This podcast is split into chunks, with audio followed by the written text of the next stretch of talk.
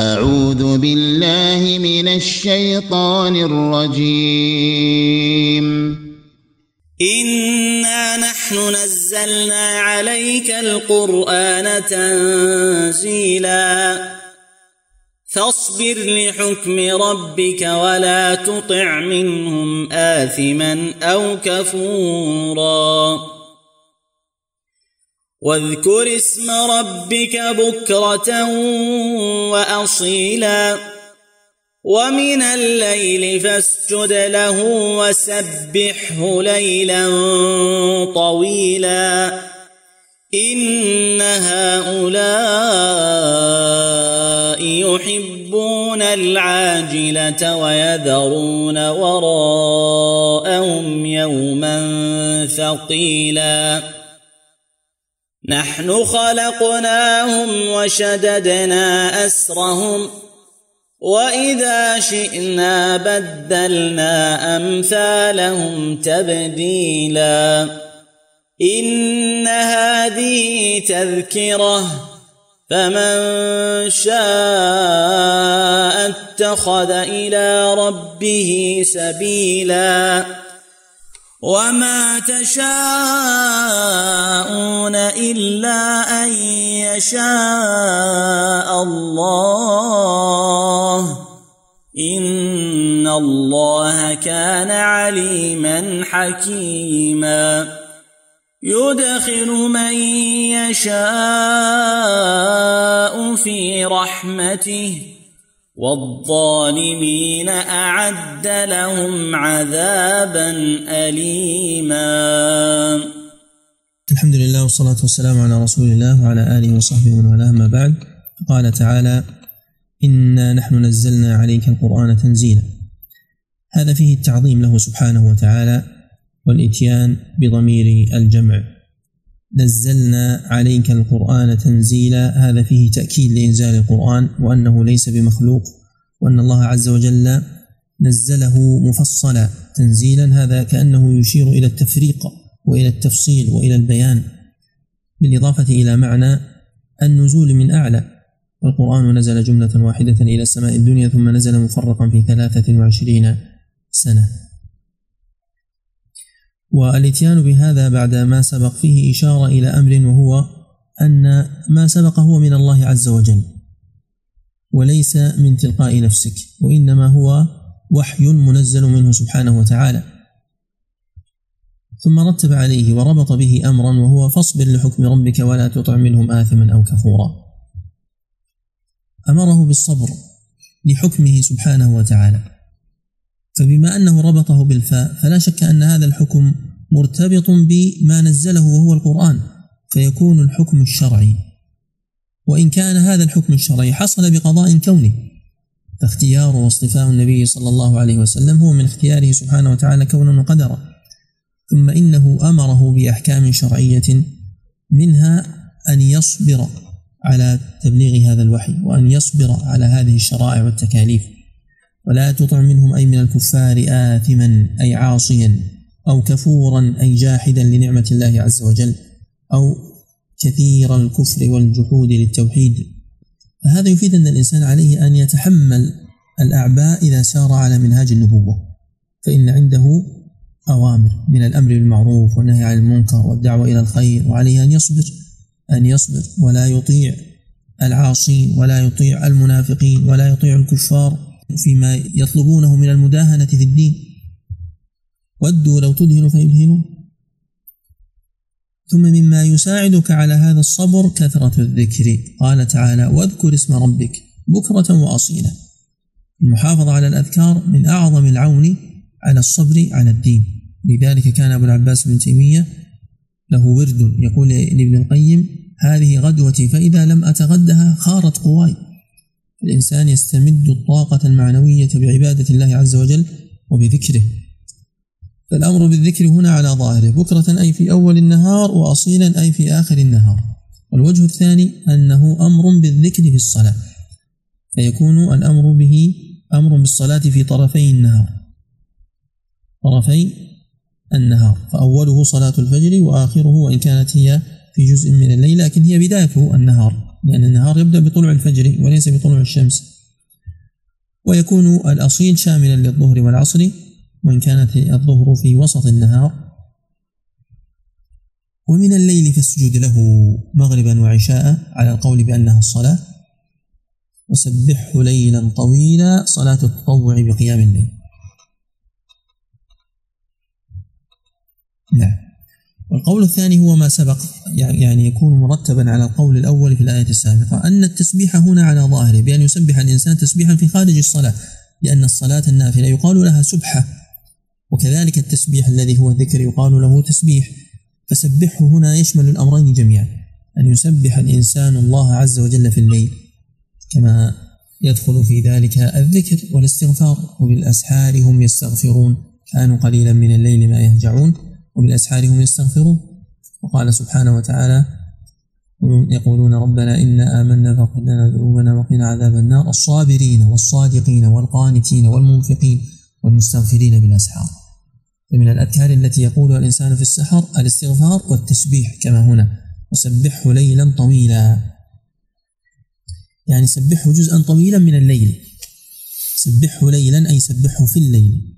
فليل هنا ظرف ثم هذا الليل موصوف بالطول يعني أن يكون تسبيحه في ليل طويل كما سبق معنا في أول سورة المزمل. قم الليل إلا قليلا نصفه أو انقص منه قليلا أو زد عليه ورتل القرآن ترتيلا. إن هؤلاء يحبون العاجلة. إن هؤلاء الكفار يحبون الحياة الدنيا التي هي مقدمة ومستعجلة وبين أيديهم يخالطونها ويغترون بلذاتها ويذرون أن يدعون ويتركون وراءهم يوما ثقيلا وهو يوم القيامة. فيدعون الإيمان به ويدعون العمل له وهو يوم ثقيل لأن الساعة ثقلت في السماوات والأرض. وفي هذا تحذير للمؤمنين من التشبه بأولئك من الاغترار بالحياة الدنيا ومن ترك العمل للآخرة.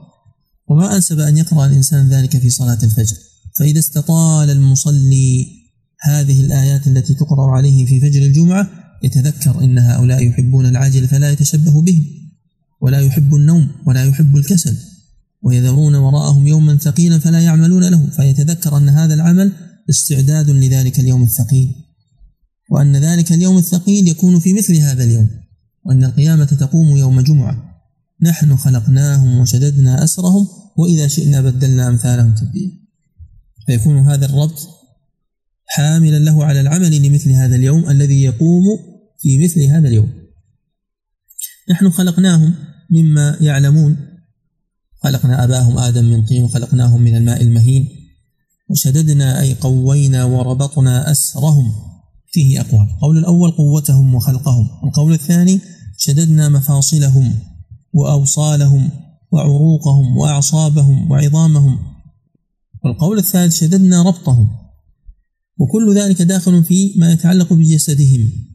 فالله عز وجل خلقهم وسواهم بهذه الصفة وجعل فيهم قوى القوة الجالبة التي تحمله على الطعام والشراب والقوة الماسكة التي تمسك فيه هذا الغذاء وتمتصه وتنتفع به والقوة الدافعة وهي القوة الطاردة التي تخرج الثفل من جسده فكل هذه القوة أوجدها الله عز وجل بحكمة محكمة وتسوية تامة وجعلها فيكم ومع ذلك تذرون الآخرة وتحبون العاجلة. وإذا شئنا بدلنا وغيرنا أمثالهم تبديلا إما بمعنى أذهبناهم وأتينا ببدل عنهم أو أبدلنا صفتهم. أبدلنا وإذا شئنا بدلنا أمثالهم تبديلا بدلنا أشباههم وخلقتهم تبديلا فجعلناها بصورة قبيحة ومسخناهم إلى شبه الحيوانات بسبب المعاصي كما فعل ببعض الخلق. إن هذه تذكرة فمن شاء اتخذ إلى ربه سبيلا. إن هذه السورة إن هذه الآيات تذكرة أي موعظة؟ فمن شاء اتخذ إلى الله عز وجل طريقا بالاتعاظ بها والعمل بما يحبه ويرضاه والكف عما يبغضه سبحانه وما تشاءون إلا أن يشاء الله إن الله كان عليما حكيما. القراءة الأخرى وما يشاءون. فتشاءون هنا خطاب. ما تشاءون يا معشر الخلق كلكم إلا أن يشاء الله هذا الشيء الذي تشاءونه.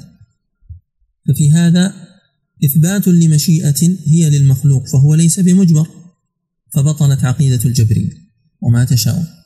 إلا أن يشاء الله ففيه إثبات لأن الله عز وجل يشاء. فبطلت بذلك عقيدة القدرية الذين يقولون بأن العبد يخلق فعل نفسه والذين يقولون بأن الله لا يعلم ما يفعله العباد إلا بعد علمه وهذه طائفة أخرى من القدرية أشد ضلالا من الأولين. ثم الأمر الثالث أن مشيئة العبد داخلة تحت مشيئة الله. وكل ما تشاءونه فقد شاءه الله عز وجل إما كونا وقدرا وإما دينا وشرعا. فإن كانت من الأشياء التي يحبها من الطاعات والصلوات والإيمان فقد شاءه الله دينا وشرعا بمعنى أحبه ممن أوجده منه ويريده ممن لم يقدره عليه دينا وشرعا لأنه خاطبه بذلك. وأما كل ما يحصل في هذا الكون فقد شاءه كونا وقدرا فلا يخرج شيء عن مشيئته بمعنى تقديره فهو الذي كتبه وهو الذي أراده وهو الذي علمه سبحانه وتعالى على جهة التفصيل وهو الذي خلقه. والله خلقكم وما تعملون. فأفعال العباد مخلوقة لله وهي أعمال وهي أعمال للخلق مكلفون بها مؤاخذون عليها. وهذا يشبه قوله سبحانه وتعالى في آخر سورة التكوير وما تشاءون إلا أن يشاء الله رب العالمين لمن شاء منكم أن يستقيم وما تشاءون إلا أن يشاء الله رب العالمين. فالذي يفهم هاتين الآيتين يخلص بإذن الله عز وجل من ما يشكل على بعض الناس وبعض الكفار في باب القضاء والقدر الذي هو سر الله عز وجل في الخلق. إن الله كان عليما حكيما. عليما بكل شيء. علم تفصيلي وليس علم كلي إجمالي كما يقوله الجويني وغيره. وحكيما أي ذو حكمة فيما يقدره من الشرع. وذو حكمة فيما يدبره من أمور الخلق. لكن هذه الحكمة تخفى علينا. ولذلك يحصل منا الضجر ويحصل منا آه، القنوط واليأس ويحصل منا الاعتراض على تقدم الكفار أو على انتشار المعاصي. ولكن الله عز وجل حكيم. الواجب علينا هو أن ندور مع الأمر الشرعي لا أن ندور مع الأمر الكوني القدري. إذا قدر الله عز وجل ما لا يحب فنبغضه ولا نقول نحب هذا الشيء لأنه أوجده الله. لا فرق بين المحبة وبين الإيجاد. قدره الله وهو يبغضه فمحبتك له محادة لله عز وجل. الله عز وجل كان حكيما في قدره وحكيما في شرعه وكان هنا ليست لإفادة الماضي وإنما كان ولا زال وهذا معروف في لغة العرب. يدخل من يشاء في رحمته والظالمين أعد لهم عذابا أليما. فالله عز وجل يدخل من يشاء باصطفائه في رحمته بأن يجعله مؤمنا ويدخله الجنة وهي الرحمة المخلوقة. والظالمين أعد لهم عذابا أليما. أعد وهيأ لهم عذابا يوم القيامة وهو عذاب مؤلم موجع. ولكن شيخنا يقول أليما أي مؤلما بالفتح ويوجه ذلك بوجهين. الوجه الأول من ناحية بلاغية أن العذاب تألم. فأصبح مؤلما. وكيف ذلك؟ أي أصاب العذاب الشخص المعذب حتى ارتد إلى نفسه فنسب له مبالغة. يعني من شدة العذاب. وهذا المعنى لا يوجد في قولك مؤلم. فهو مؤلم لغيره لكن ليس فيه إيلام لنفسه. أما إذا قلت مؤلم فما فيه من العذاب آلم المعذب حتى ارتد إلى نفسه فتألم. ومن ناحية نحوية وهو الوجه الثاني أن الجمهور عندهم أن فعيل لا يأتي بمعنى مفعل. أليم بمعنى مؤلم لا يأتي عند الجمهور إنما يأتي أليم بمعنى فاعل. لذلك يقولون بديع السماوات والأرض معناه بديع سماواته وأرضه أي عجيبة لا أنه مبدع. والذين يجوزون ذلك يعترفون بأنه قليل ويذكرون عليه شاهدا من آه، شعر العرب ولكن الأمر فيه سعة. فسواء قلت أليم بمعنى مؤلم أو أليم بمعنى مؤلم هو بمعنى حصول الوجع لهؤلاء. هنا بحث أخير وهو والظالمين. ما الذي نصب هذا الاسم؟ ما الذي جعله والظالمين أعد لهم عذابا أليما؟ نعم. السلام عليكم. السلام ورحمة الله. أعد؟ نعم. نشر إلى أعد أحسنت. يعني تقصد بأعد التي بعدها؟ نعم. يعني مفعول به مقدم لأعد؟ نعم. طيب يكون المعنى وأعد الظالمين لهم عذابا أليما. هل يستقيم؟ أعد الله لهم عذابا أليما. أعد الله للظالمين عذابا أليما. طيب هي والظالمين أعد لهم. يعني والظالمين أعد الله الظالمين لهم عذابا أليما؟ كذا اي نعم. نعم. أعد هي فعل وفاعل. طيب. ولهم؟